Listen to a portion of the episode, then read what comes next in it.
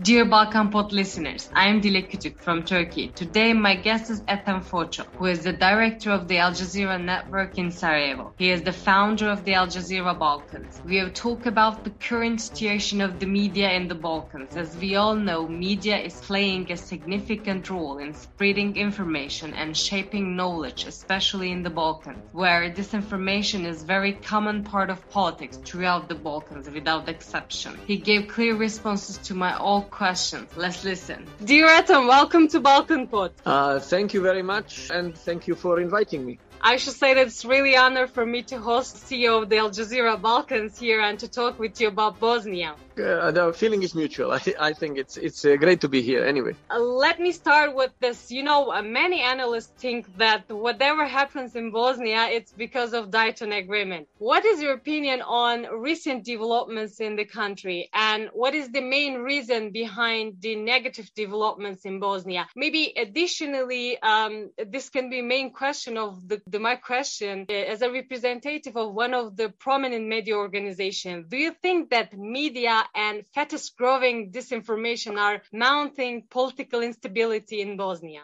Well, uh, first, I, I, do not think the problems that are happening these days in Bosnia all due to Dayton Agreement for good or for worse. First of all, it has been already, what, 26 years since Dayton Agreement, and uh, you cannot really say that all the bad things have happened because of that. After all, there were three sides, all, all willingly signed uh, uh the agreement, and those three sides within this country have signed and agreed to whatever uh, the content of the document was. So, um, you know, after some time when things are not going well, people try to look for alibis and try to look for excuses. And wh- whenever they are incapable of doing something or they're not competent in handling certain situations, they try to pin the blame on somebody else. In this case, the scapegoat is Dayton. I think the major problem here is really the incompetence and uh, bad faith of the main actors. And uh, unlike what many people say, I would first put the burden on the, the side that should have most interest in preserving Bosnia as a whole or as it is, and this is the Bosniak side. They have continuously been putting the worst politicians up front and voting for the worst among uh, them or among us. And um, you know, when you, you, you keep on voting for incompetent people, and especially those who are corrupt and who have certain vested interests within politics and not really, uh, their interests are not the best things for the people, but for, for themselves, this is where you end up. And uh, I think the situation is like that just because we chose the wrong politicians and now the things have gone a bit too far. So now even if you get the right politicians, it's not so easy to correct it. As far as the media is concerned, of course, I'm not, even though I come from media, I do not idealize media and always try to defend it. I think a lot of bad things in the world are due to the role that media plays. But in this case, I, I, observing the media in Bosnia and in the region in general, I feel that they are basically following the trend. The trend again is um, imposed by the main political players media doesn't want to look, you know, especially uh, carved along these nationalist lines. Nobody wants to speak different from the mainstream conversation that politicians are imposing because then uh, you will be branded easily traitor or whatever it is. You know, social media cannot be ignored. So, so the mainstream media as well is very careful and they basically just follow and report on what politicians say. I don't know. It, it is, uh, it is in this case, this tense situation is more due to politicians' statements and their interests and their uh, role play and their game that they play rather than media reporting. That's my take on it. And generally, international media like Guardian, New York Times, etc., has nothing to do with Bosnia or the Balkans. But when it comes to the crisis or warmongering, secessionism, and their attention suddenly grows. What is your opinion on this usual indifference and sudden and intense attention together? Well, I, I, think again, also this is very understandable. You know, Bosnia has been, I cannot say the focus, but it was uh, very often in focus 1992 till 1995 during the war, which is obvious. You know, for us, Iraq was uh, the focus when there was war in Iraq. Of course, when there is no war, who will report? Or Libya, or Sudan for that matter, you know, uh, or, or Myanmar, or Kashmir. When there are conflicts, there is obviously interest of all global media and all players to see what's happening in that place. If there is no conflict, then the interest wanes. To be realistic, the importance of Bosnia is uh, is greatly exaggerated by Bosnians themselves. I mean, it is a small country. It has no peculiar value in whatever. It has no resources. It even doesn't have some fabulous human resources and some some huge world personalities that, that you know would draw attention to it. It is not important country. Of course, it has built itself what I would call a complex during 1992 to 1995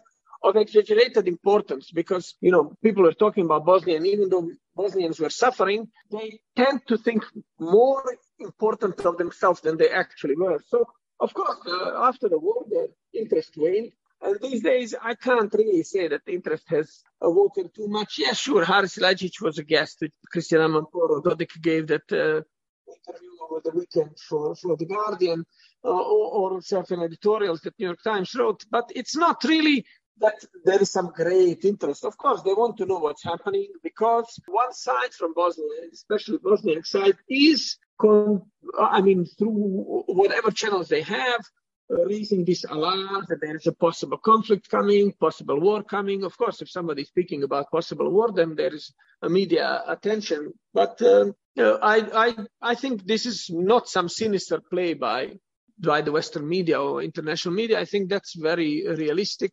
They just respond to what they feel is the situation on the ground. I think uh, it, their reporting has been very neutral. As a matter of fact, you have journalists like Christiane Amanpour, who is a bit even partial to the Bosnian side, which is great for us, of course. But uh, I think the interest is, is very genuine and it's not exaggerated, even though, I mean, there is a potential news story there by somebody saying, oh, you know, things are tense and there's even talk of certain conflict. Uh, again, I would say that the talk of conflict is only coming from the Bosniak side in this case maybe we can a little bit um, delve into the differences between uh, international media and the local media outlets in Bosnia. Could you tell us how their approach to do some fragile problems in the Balkans? I mean, for example, how the international and local media see Dodik's action and claims, or how they should see. Uh, what are your suggestion and recommendation in this regard? I know many outlets now in the region, from Euronews to Turkish media. So I I asked this uh, for for broader media picture in uh, in Bosnia and Herzegovina. Yeah, okay. I think in the region, yeah, you mentioned Euronews, which is now present in Serbia, TRT, which has been present in the Balkan region and, and is intending to increase its presence. Of course, Al Jazeera is maybe the oldest among these international players that has uh, regional coverage. You have Anatolia Agency, which is also regional. You have a CNN affiliated channel called N1. You have uh, also Newsmax News, which is an American outlet, but uh, owned by United Media, Serbian uh, media group that owns also N1.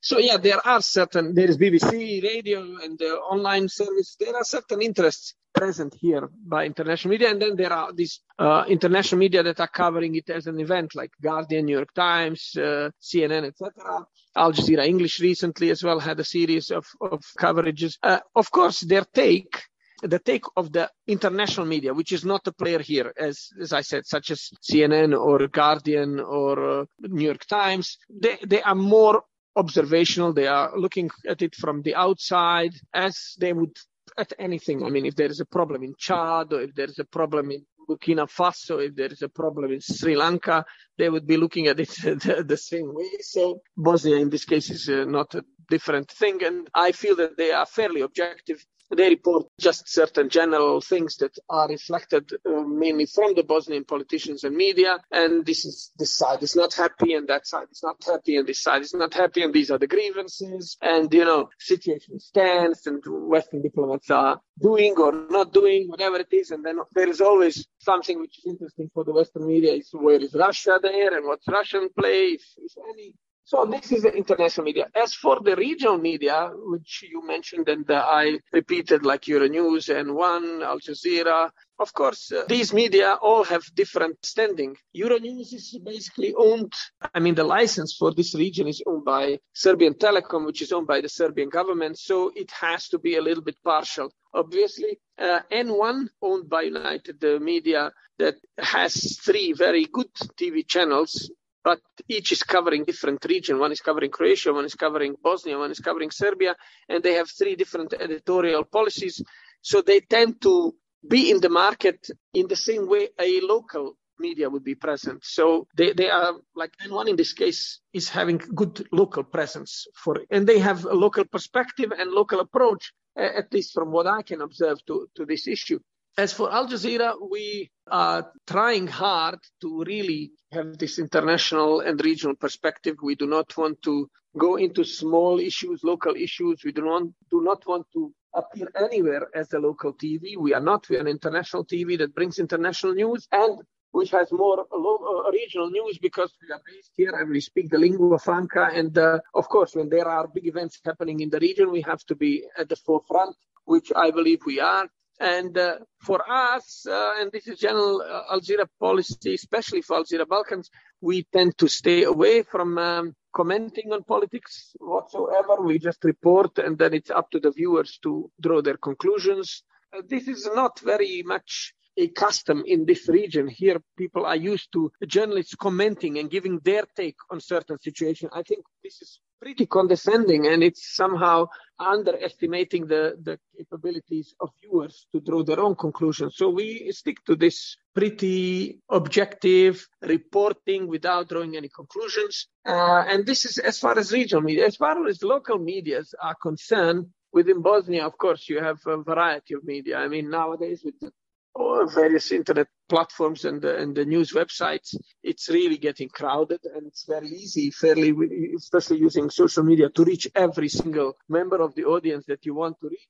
And, uh, you know, again, there you have different players. You have those that are sponsored by state or by, by the state players, like, you know, certain uh, media that's sponsored by the Republika Srpska government, certain uh, media that's sponsored by federation government, certain media that are sponsored by different canton governments, you know, in different areas. So uh, all of these guys, they have the owners who are directly linked with politics uh, because, you know, political parties that are in power, they, they take this as a kind of a I don't know, war spoils, I would say, and this is theirs, and they um, manage it the way they want. And then, in most of the cases, I can't really say. In all cases, I feel like there are certain TV channels that are objective, like TV Sarajevo. But in general, as I said, these people will have to play the role that their political masters want. And then again, when you come even to these private or semi-private companies that are funded mainly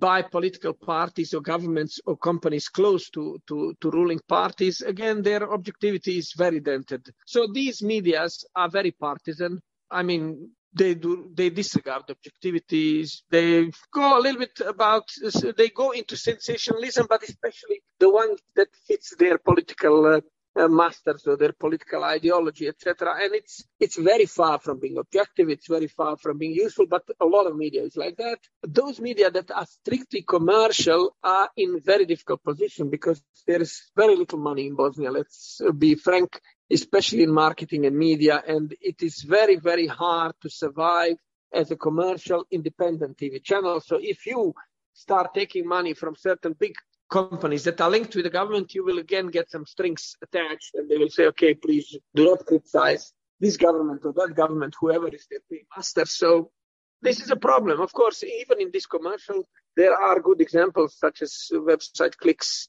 uh, or Buka, for example, that are fairly independent, especially Klix is even commercially successful. So they can do whatever they want. It doesn't mean that they don't make mistakes. Of course, we media, we make mistakes, but I'm just saying there is no certain political agenda that drives some of these media. I would say that they are in minority, but because they are big, or even we as Al Jazeera Balkans, we are quite big player in uh, in TV and digital, and Klix is the biggest player in digital. So there are media that are, I mean, uh, maybe in minority in terms of numbers, uh, in terms of total number compared to other numbers of media, but in terms of reach of the audience, they're not really in minority. So Bosnian scene is a little bit uh, split along these nationalist lines, let me say. But again, it's not very universal because you have in the Republika Srpska a totally different approach of BN television and uh, RTRS, for example.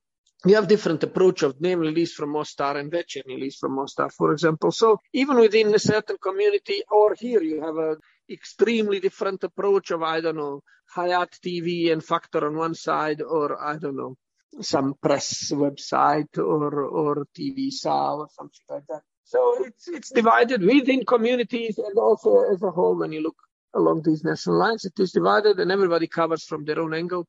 It is not, it's not as confusing as, as it sounds because I think most of people that want to get truth, it's readily available or objective reporting. Those that do not want, uh, believe me, no matter how you report and no matter what you say, they will stay, they will stick with their partisan principles or, or, or radical principles that they adhere to, and they will not be able to listen to the truth in any case. I see you mention and you talk a lot about the objectivity in media sector, but I think the Bosnia has very unique situation and has a lot of uh, unique people because you know journalism in Bosnia like journalism all over the Balkans, different religion, different identities live together in the same country. Um, how do you manage to be objective and impartial? Because you know this is the most difficult ethical issue maybe because sooner or later you're facing some nationalistic issues which, which affect your inner feelings. Well, that's very true, of course. You know,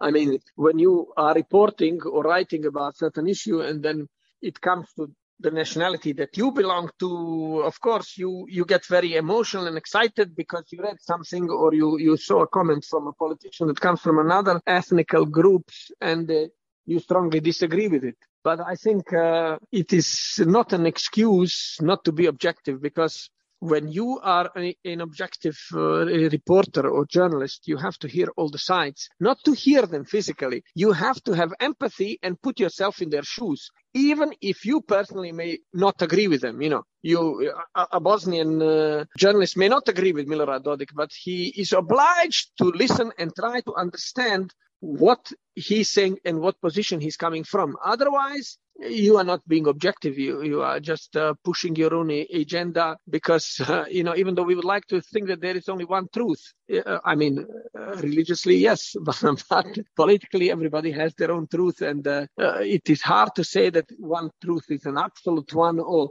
it is ridiculous to say that there are black and white situations and that there are good and bad guys because everybody's a little bit bad, even though if somebody's a bit more good than the other. So there's nothing perfect. And it is not easy, but it is not impossible. As I said, I think journalists are actually quite capable of being uh, objective. The problem comes with the audience. You know, we are driven by this populist uh, pressure by people wanting to hear what they want to hear and you they want you to report the way they think you should report and if you do not then they start cursing you on the social media etc so many journalist outlets are very much afraid of this situation. They do not want to be run down by social media you know because they can twist uh, one sentence that you have or, or, or certain title that you write and uh, basically call on a campaign or a lynch against uh, certain media. So the pressure is not created by anybody except by this audience, which is pretty in this case, ill-informed, exclusive, not flexible, not wanting to hear the other opinion. They want to have uh, things said that they want to, or they think are the truth, but still it shouldn't be exclusive. If a journalist has an opportunity to try and be objective and try to report uh, from all sides, I think it's possible. In Bosnia, of course, ethnic lines are still the underlining thing. I wouldn't blame media for it. I would blame the politicians. They have instilled this in the everyday practice that we have. So media follows it somebody because they need to survive, somebody because they have certain interests, or somebody just because he's avoiding pressure from the social media. But uh, it's it's not really the media that dictates this carve up along uh, ethnic ethnic lines. It is more politicians that this serves them well, so they they emphasize and they demand from what is being seen by their media or whatever it is. You know, Croats would say that whatever media is targeting their audience, is Croat media, regardless if ideologically they're on the same page or not. Same for Bosniaks, same for Serbs.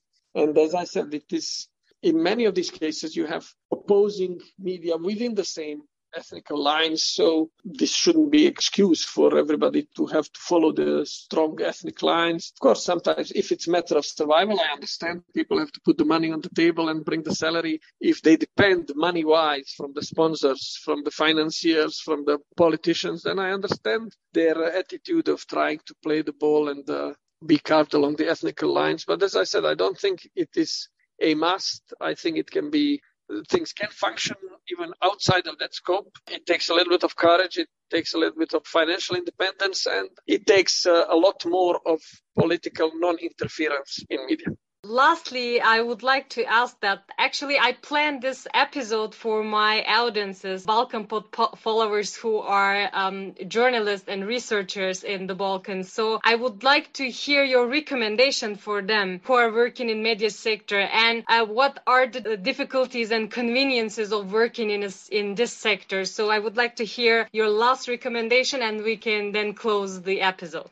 Let me start from the end of the question. I think the there are, of course, uh, uh, challenges. Obvious, I have been mentioning. It's not easy because, again, it all comes down to who pays for the certain media. And uh, after all, journalists are men of flesh and blood. They have their families, they have obligations to, to feed themselves. And no matter how many principles they have or they want to stick to, if you keep on losing your job because you do not want to bend to the will of the financier, at the end of the day, you will uh, stop searching, you will bend to the will of the financier and uh, try to write what they want to read. It is uh, as simple as that. And uh, challenges are there again, as I said, it's not insurmountable. I think in every country there are independent media functioning well, even if some of them are financed by certain commercial interests that have certain political interests. Again, many of them allow their journalists to be independent, especially if journalists are more prominent.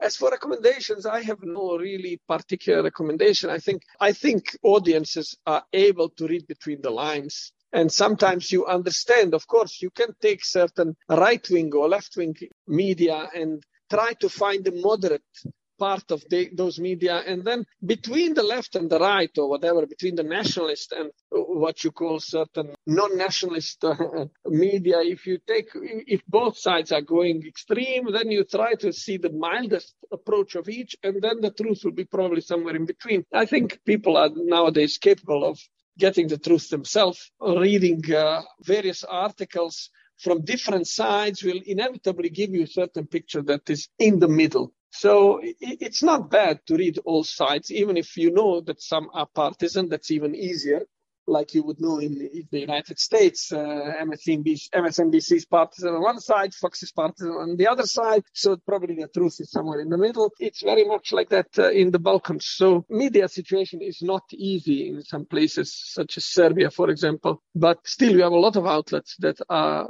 very independent and some that are extremely anti-government. So I don't say they are right, but the truth is somewhere between what they do and what majority of of Serbian media, which is, for example, financed directly and indirectly by the government. They say similar situation is in Macedonia. I think the, the media there is waking up uh, uh, uh slowly. It was having some difficult times. And uh, again, you have the, uh, the, the nationalists and non-nationalists on two different camps. And Montenegro has a diff- difficult situation these days, but I think even there, certain actors are playing it very neutral and uh, I mean, it is not as, as black as it would seem. The only problem is there is really too much of media out there and there are there's influence of social media as well. I think uh, too much information, but uh, again, for those who are really interested in the Balkan affairs and especially about certain particular country that they are, they should be reading as much of material as possible from each and uh, throwing away all this extreme radical nationalist or or from the other left side, the extreme one, even though the more extreme one are obviously the nationalists, and uh, they they invent and fabricate much more uh, information and news and uh, throw it away, and the rest will be pretty much close to what is actually happening.